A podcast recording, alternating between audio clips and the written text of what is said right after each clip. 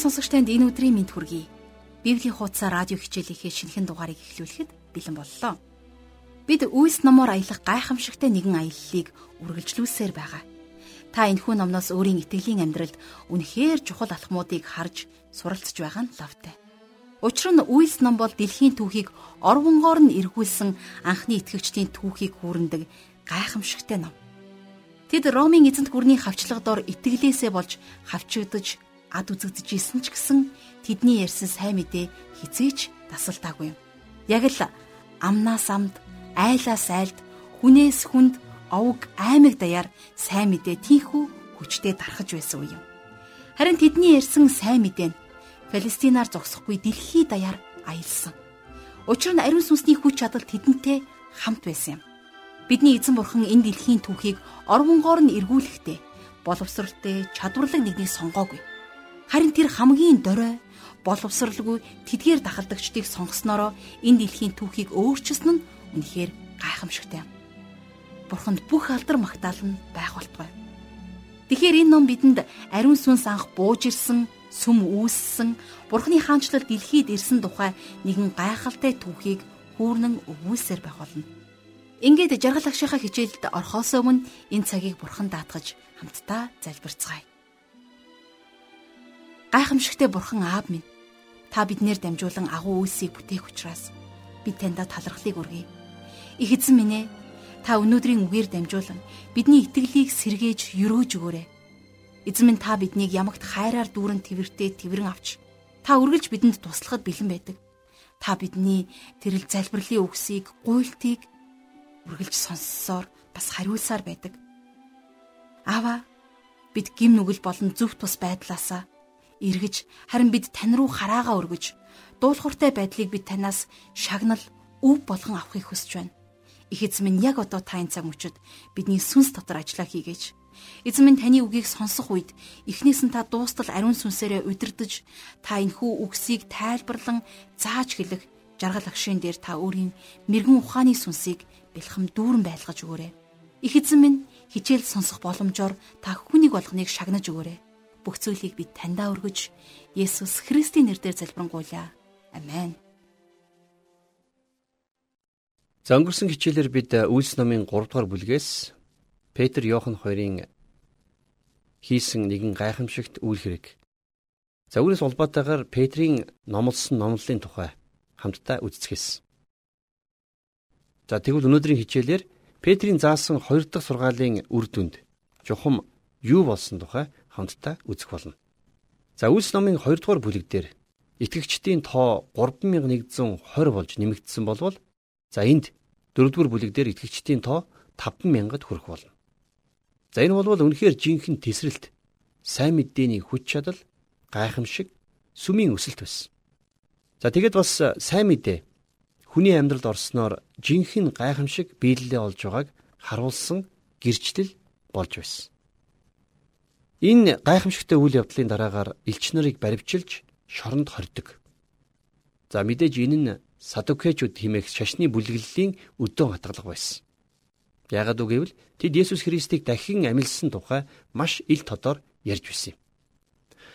За ингээд хамтдаа эдгээр үйл явдлуудыг өгүүлэх Үйлс номын 4-р бүлгийн 1-ээс 2-р ишлэлийг гаргаад уншицгаая.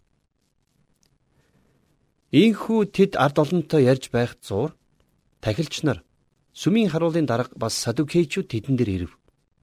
Учир нь элч нар олонд сургаал зааж үхэгсдийн амьлал Есүсээр гэдгийг тунхаглаж байсан тул тэд ихэд төвөгшөөж байлаа.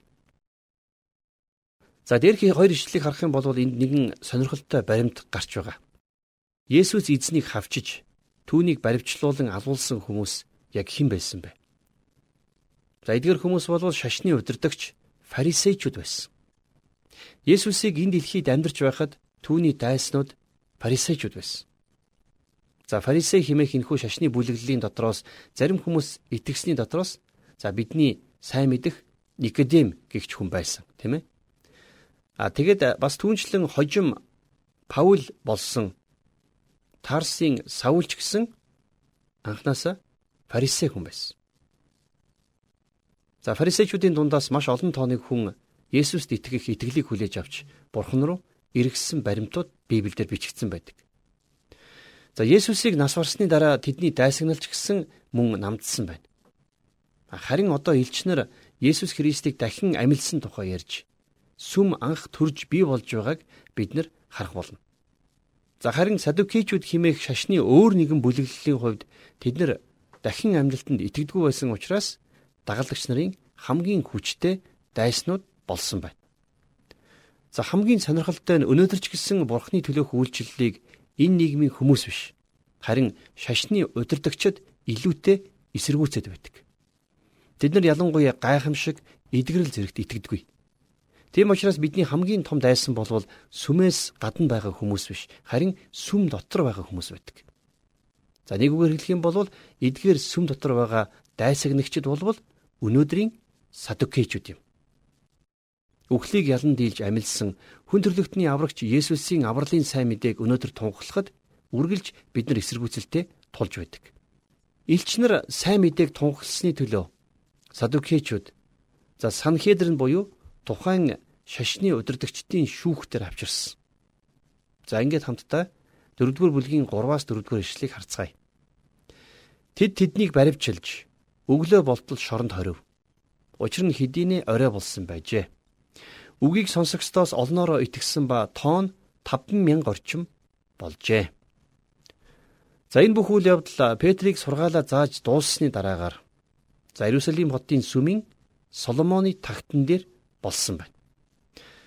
За тэнд байсан 50000 ирчүүд итгэсэн болвол тэдний цаана хідэн эмэгтэйчүүд хүүхдүүд байсныг та өөрөө төсөөлөд үзээрэй. За тиймээс энэ бол хэдэн мянган хүн Христэд итгэсэн маш том үйл явдал болсон гэсэн үг. Симон Петрийг заримдаа хүмүүс шүүмжлээд байдаг. А гэхдээ энэ хүн үнэхээр бурхнаар ашиглагдсан хүн байсан гэдгийг бид санах ёстой. Петрийн номлолоос болж итгэсэн хүмүүс өнөөдрийн авралын зарын том цуглааныг хийж жинхэнэ итгэсэн хүнийг ялгаж танилгүйгээр зүгээр л тоо өгөхөөс огт өөр явдал байсан. Эдгэр хүмүүс чин сэтгэлээсээ бурхан руу эргэссэн байсан. Тэр өдрөөс хойш ийм хэмжээний хүн итгэсэн түүх өнөө хүртэл алга байна. За цааш нь үргэлжлүүлэн харцгаая. 5-аас 6 дугаар ишлэл. Дараачийнх нь өдөр захирагчид, ахлагчид, мөн хуулийн багш нар Иерусалимд цугларцгаав. Тэнд тэрүүн тахилч Анас ба Каяф, Йохан, Александр болон тэрүүн тахилчийн удмынхан бүгд байлаа. Танил хүмүүсийн нэр гарч ирж байгаа биз? Тэгэхээр энэ хүмүүсийн тухай бид нар мэднэ. За ялангуяа Аннаас Каяф хоёр бол маш залтай хүмүүс байсан. Энэ хоёр Есүст үхлийн ял шийтгэлийг тулгасан хүмүүс байсан гэдгийг та санаж байгаа. За эдгээр хоёр хүн Есүсийг Ромын эсрэг гинт хэрэг үйлдэлсэн хэмээн гүтгэж улмаар цаазаар ахуулсан. За 7 дугаар ишлэлдэр тэд нөгөө хэдийг голдоо зогсооход ямар хүч ямар нэрээр та нар үүнийг үйлдэнвэ хэмээн байцаав. Есүсийг Ромын эсрэг гинт хэрэг үйлдэлсэн гэж гүтгэж үхэлд хүргэсэн тэдгээр тахилч нар Одоо харин Петр, Иохан болон суумга бодлосоо боссон тэр гурвыг урдаа зогсоосон байна. За энэ үед Петр Есүсийн хэлсэн та нар захирагчдын өмнө зогсохдоо юу хэлэх вэ гэж бүү санаа зов. Ариун сүнс тухайн цагт хэлэх үгийг чинь зааж өгнө гэсний дагуу Петр ариун сүнсээр тэдэнд хариултыг хэлсэн байна. За энэ тухай хамтдаа 4-р бүлгийнхээ 8-аас 12 дугаар ишлэлээс харцгаая. Энэ үед Петр ариун сүнсээр дүүрж тэдэнд ард түмний захирагчид болон ахлагч нараа. Бид уг өвчтөе хүнд сайн үйлс хийснийхээ төлөө. Тэр хэрхэн эдгэрсний тухайд өнөөдөр байцаагдж байгаа бол та нарын цовдлсон үхэгсдээс бурхны амьлуулсан Назарын Есүс Христийн нэрээр. Энэ л нэрээр энэ хүн та нарын өмнө цоо эрүүл болон зогсож байгааг та бүхэн бас бүх Израиль түмэн мэддэг. Тэр бол барилгачид та нарт гологдсон ч булангийн тулгуур чулуу болсон юм. Өөр хэний ч дотор аврал үгүй.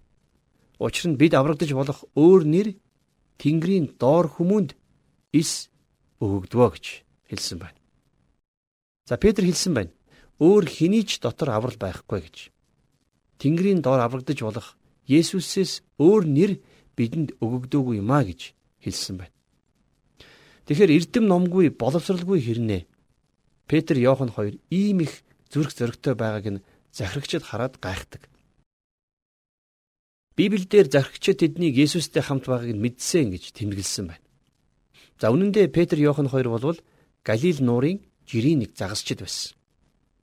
Петр Есүсийг баригдахын сүүлчийн орой би таныг хизээч хаяхгүй гэж хэлж байсан ч гэсэн тэрнээс нүрээ буруулж гурамтаа урвж гурван удаа Есүсийг үгүйсгэсэн байдаг. Харин Есүсийн хайрын харц Петрийг гимшил рүү удирдсан юм. Есүс үхээд 3 хоногийн дараа үхлээс амьсныхаа дараагаар Петрт доод тал нь 5 удаа харагдсан баримт байдаг. Хамгийн сүүлд Петрийг бараг бүх итгэлээ орхиод Галил нууранд эргэн загасчилж байхад нь ам орсон Есүс түүнтэй уулздаг.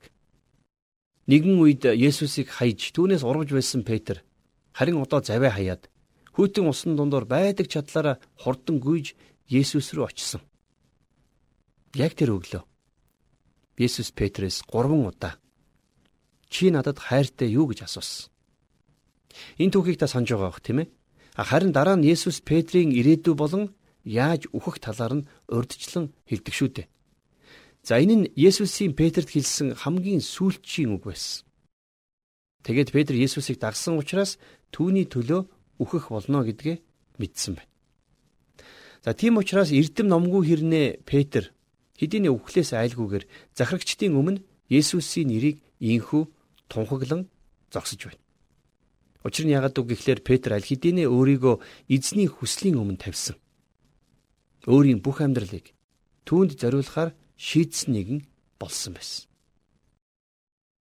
Петр Есүсийг амьд байх үед нь 3 жил түүнтэй хамт байгаа зогссохгүй. Дараа нь дахин амилсан Есүстэй уулзаж байсан нэгэн. Тэгэхээр дахин амилтын хүчийг өөрийнхөө нүд болон сэтгэлээрээ мэдэрсэн байсан гэсэн үг. За цааш нь 13-аас 15 дугаар ишлэл дээр Эрдэм номгүй юм сураагүй Петр Йохан хоёрын зоригтой байгааг тэд хараад гайхацгаан Есүстэй хамт байсныг нь мэдэв. Эдгэрсэн хүн тэдэнтэй зогсож буйг хараад тэдэнд эсэргүүцэн хэлэх юу ч байсангүй. Тэгээд тэднийг зөвлөлөөс гарахыг тушаагаад өөр хоорондоо зөвлөлдөн. За энэ төр зогсъё. Тэгэхээр Петрийн ямар зоригтой байгааг хараад зархигчид тэднийг Есүстэй хамт байгааг нь мэдсэн гэж бичсэн байна. За тэгээд зөвлөлөөс э, Петр Иохан хоёрыг хөөж гаргаад хэрхэн тэдний сайн мэдээг зогсоох тухай хэлэлцсэн ч гэсэн тэд нэр тэрхүү гайхамшгуудыг үүсгэж зогсоож чадахгүй байсан. Тэгвэл танд байгаа сайн мэдээг хэн юу үгүйсгэж чадах юм бэ? Ямар мөнгө? Ямар эрх мэдэл? Ямар хүч? Ямар өвчин? хин гихч хүн ямар хавчлага, ямар улс, ямар үхэл, ямар шорон танд байгаа сайн мэдээг өгөөсгөж чадах вэ? Энэ хүч чадал бол үнэхээр үхлээс дахин ам орсон Есүсийн хүч чадал байгаа юм. Петр Иохан хоёр эрдэм номгүй боловсралгүй байсан боловч нэг л маш чухал зүйл тэднэрт байсан байна. Энэ бол дахин амилсан Есүстэй уулзсан явдал. Амилсан Есүсийн хүч чадал тэр хоёртой хамт байсан. Петр Есүсээс өөр аврагдах нэр Тэнгэрийн дор өгдөг гэдгийг зүрхээрээ мэдэрч байсан. За цааш нь 16-аас 18 дугаар ишлэгийг харцгаая. Энэ хүмүүсийг бид одоо яах вэ? Тэдний үлдсэн илт гайхамшиг нь Иерусалимд суудаг бүхэнд нэгэн тодорхой тул бид өгөөсгөж чадахгүй. Харин цаашид үүнийг ард олны дунд улам тархаахгүй тулд энэ нэрээр дахин хинтээж ярихгүй байхыг тэдэнд сануулъя гэцгээв. Тэгээд тэднийг дуудаж Есүсийн нэрээр огт ярьж заахгүй байхыг тушаалаа. За захирагчид өөр хоорондоо зөвлөлдөө тэд нарыг Есүсийн нэрээр дахин ярьж болохгүй гэж хэлсэн боловч за Петр Иохан хоёр 19-оос 20 дугаар эшлэлдэр тэдэнд юу гэж хариулсныг хамтдаа харцгаая. Гэвч Петр Иохан нар тэдэнд та нарыг бурхнаас илүү сонсох нь бурхны өмнө зөв үү? Өөрсдөө шүүн тунгаагтун. Учир нь бид нар үдсэн сонссноо яриха зогсоож чадахгүй гэжээ. За ийм асуултыг асуусан байгаа биз? Та нарын үгийг бурхныхаас илүүд үзэх нь бурхны өмнө зөв үү гэж. Харин захирагчид эрх мэдэлтнүүд сүрдүүлснийхээ дараа тэднийг яахын аргагүй явуулдаг. Энэ дэлхий дээр зогсоож болохгүй хүч чадал гэж байна. Зогсоож болохгүй зүйл гэж бас бий. За энэ дэлхий дээр олон ард түмэн олон янзын олон зүйлийг зогсоох боломжтой. Хоёр улс хоорондоо харилцаа муутай бол санхүүгийн эрх мэдлэр нөгөө улсаа хязгаарлаж хориг тавьж чадна. За бас хүмүүс мал амтныг чигсэн оюун ухаанаараа иргэшээлтэн оруулж чадна. Харин энэ дэлхий дээр зогсоож чадахгүй нэг хүч та бидний дунд байна. Энэ хүч бол сайн мэдээний хүч. Энэ бол 2000 жилийн туршид зогсоогүй дэлхийг тойрсоор өнөөдрийг хүрсэн тэр хүч юм. Манай эртний 1-ээс 4-р зуунд чуулганууд маш их хавчлагыг хамсч байсан. Олон ч хүн алагдаж, хоригдож, за тэр бүхий л арслангийн аманд хаягдж, за Ромынханд ад үзэгдсэн. Харин тэр бүхний дунд сайн мэдээ зогсоогүй. Тэгэхээр ямар ч хүч, ямар ч үхэл сайн мэдээг зогсоож чадахгүй. Учир нь энэ бол хүн төрлөختнийг аврах бурхны хүч чадал. Сайн мэдээ гэдэг бол амнаас тунхаглагддаг үг биш. Харин сайн мэдээ гэдэг бол итгэгч хүний амьдралаас тунхаглагддаг гэрчлэл баг юм. За цааш нь хамтдаа үргэлжлүүлэн 23-аас 28 дугаар ишлэгийг уншицгаая. Суллагдмагцаа тэд өөрсдийнхэн дээрээ ирж ахлах тахилч нарын болон ахлагчдын хэлсэн бүхнийг уламжлав. Тэд үнийг сонсоод бурханд нэгэн санаагаар өндөр дуугаар өгүүлрэн. Өө эзэнтэн. Тэнгэр газар, тэнгис болон түүн доторх бүхнийг бүтээсэн нь та билээ. Та бидний өвөг зарц Давидын хаан амар дамжуулан ариун сүнсээр айлдахдаа юунд харийнхан уурсаж ард түмнүүд дими зүйлс хідэн вэ? Эзэн ба түүний Христийн эсрэг газар дэлхийн хаад сууцгааж захирагчд цугларцгааваа гэсэн. Таны тасалсан ариун зарц Есүсийн тань эсрэг Херод, Понти Пилат нар харийнхан болон Израильчуудтай үнэхээр энэ хотод цугласан билээ. Энэ нь таны мотор ба урдаас тогтоосон шийдвэр бүхэнтэй нь биелэгдэхийн тулд билээ. Тэгэхээр бид рүү хэлсэн сайн мэдээ очисон газар бүртээ мянга мянган хүний амьдралд өөрчлөлтийг авчрах хүч чадал юм. За Үлс номын 4-р бүлгийн 4-р ишлэлийг эргэн харах юм бол Бурхны үгийг сонссон олон хүн итгэсэн бөгөөд тэдний тоо 50000-д хүрсэн гэсэн байна. За тийм учраас эндээс харах юм бол сайн мэдээ бол улс үндэстнийг ормонгоор нь өөрчлөх хүч чадал. Энэ дэлхийн сая сая хүмүүсийн амьдралыг өөрчлөх хүч чадал нь сайн мэдээ өөрөө юм. Тийм учраас та явсан газар бүртээ сайн мэдээг яриарай. Таны амьдралд үгийн хүч чадал юу хийсэн гэдгийг гэрчлээрэй. Сайн мэдээ биднийг босгосон, бас биднийг өөрчилсөн. Сайн мэдээ биднийг өөрчлөө зогсохгүй, биднэр дамжуулан мянган мянган хүмүүсийн амьдралыг өөрчилсөн. Энэ л сайн мэдээний хүч чадал юм шүү дээ. Тэгэхээр энийг хинч зогсоож чадахгүй. За 29-оос 31-р эшлэлд анхаарлаа хандуулцгаая. Одоо эзэн тэдний занал хийллийг хараач. Таны үгийг ярих зоргийг боолуудаас сойрхооч. Таны ариун зарц Есүсийн нэрээр эдгэх гайхамшиг ба тэмдгүүдийг үйлдүүлэхийн тулд та мутраа сунгаач гэв. Ийхүү залбирч байдал тэдний цугларн байсан газар нь дөргив. Тэд бүгд ариун сүнсээр дүүрч Бурхны үгийг зоригтойгоор ярьцгаав. Илч нарт Христийг гэрчлэн ярихт нь шинжлэгдсэн зориг хэрэгтэй байсан. Христэд итгэсэн амьдралынхаа туршид бид нар ч гэсэн бас ичгүүр, шоовдрлогдсон байдал, шүүмжлэл хавчлагын талаарх айдсаа давхын тулд залбирах хэрэгтэй. Ариун сүнсний дүргэлтээр дамжин Бурхны нэгүүлсэл биднийг Есүсийн тухай зоригтойгоор ярихад туслана. Тийм учраас эзний үгийг л тунхаглаж амьдарцгаая. За өнөөдрийнхөө хичээлийг би 4-р бүлгийн 33-аас 37 дугаар ишлэлээр өндөрлөё. Илч нар эзэн Есүсийн амилсныг агуу хүчээр гэрчилж байсан бөгөөд Тэд бүгдийн дээр бялхам их нэгүүлсэл байсан билээ. Гачигдсан хүн тэдний дунд байсангүй. Учир нь газар орон байр эзэмшигчид цөм түүнийгэ зараад худалдсан өртгийг нь авчирч элч нарын хөлд тавихад тэд хүн бүрт хэрэгцээнийх нь хэрээр хуваарилдаг байлаа. Илч нарт Барнаб орчуулах юм бол тайвшрлын хүү гэж нэрлэгддэг Кипрээс гаралтай Левовгийн Йосеф өмчилж байсан талбайгаа зараад мөнгийг нь авчран элч нарын хөлд тавьжээ. Биднийг аварч болох нэг л нэр энэ Тэнгэрийн дор өгөгдсөн байна. Бидний авралын тэр нэр бол Есүс. Энэ хүч чадалтай нэрийг гэр бүлийнхэндээ эргэн тойрондоо тунхагласан танд баяр хүргэн урамшуулмаар байна.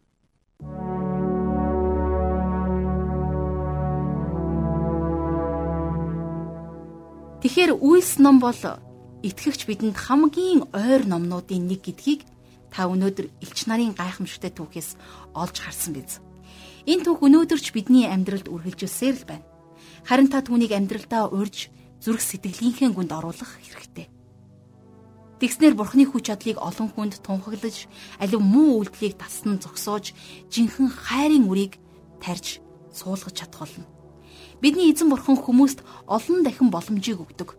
Танд ч гэсэн түүний агуу боломж үргэлж нээлттэй байгаа. Харамсалтай нь бид түүнээс үргэлж эргэж түүнээс нүүр буруулдаг. Гэхдээ бидний энэ алдаа зөрчлөөс үс шалтгаалаад Бурхан үргэлж авралаа өгөхөд бэлэн байдаг шүү гэдгийг анд минь би танд хэлж байна. Тиймээс та яг одоо цаг алдалгүйгээр Бурханд хариу өгч түүн рүү гараа өгөөрэй. Эзэн хайрын мутраа тань руу сунгаж байна. Бидний эзэн хүүгээ таны төлөө өгсөн төдийгүй. Түүнд итгэсэн хүнийг болохонд мөнхийн амийг бэлэг болгон өгч байна. Тэрээр бүх улс үндэстнийг аврах хүсэлтэй. Тэр манай улс үндэстэн болох Монгол үндэстнийг маань ч гэсэн өөрийн ард түмэн болгохоор та биднийг дуудсан. Тиймээс та сайн мэдээг ярихаас хуваалцахаас хизээч битгий хойроо цагнаарай. Бид л ярихгүй бол ахан дүүсийн маань амьдралд энэ их эдгэрэл, энэ гайхамшиг, энэ их өөрчлөлт ирж чадахгүй. Тиймээс амьдралдаа ирсэн бурхны ивэлийг хүн бүрт хүргэх түүний ахуй үйлчлэлд би таныг баяртайгаар нэгдээсэ гэж хүсэж байна. Түүний алдрын төлөө хамтдаа алхацгаая. Ингээд энэ хүрээд өнөөдрийн гайхамшигтай хичээл маань өндөрлөж байна. Харин та сурсан зүйлийнхаа төлөө Бурханд талархах цаг гаргаарай. Бурхан эзэн минь та биднийг өөрийн ард түмэн болгосонд баярлалаа. Их эзэн минь ээ таны элч нарын гайхамшигтай түүх өнөөдөр бидний ам амьдралд ч гэсэн үргэлжилсээр байгаад бид танд алдрыг өргөж байна. Та бидэнд үргэлж боломжуудыг өгдөг. Их эзэн минь ээ таныг мэдхгүйгээсээ болж гим нүгэлд боолчлогдож, зовж шаналж байгаа тэдгээр хүмүүсийн төлөө бид яг энэ цаг мөчид санаа сэтгэлээ нэгтгэн залбирч байна. Эзэн минь та тэднийг чөлөөлөөч.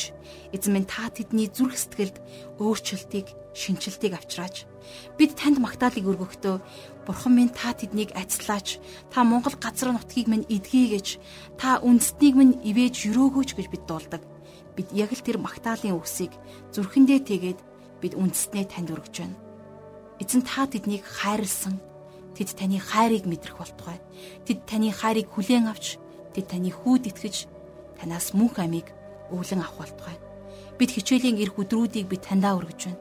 Эзэм нь олон олон хүмүүс таны сайн мэдээг сонсож эдгээр үгсүүдийг энэхүү радио хичээлийг сонсох боломжоор та тэднийг шагнаж та тэдэнд тэрхүү боломжуудыг олгож өгөөрэй бүх зүйлийг бид танд өргөж Есүс Христийн нэрээр залбирanгуйж байна. Амен.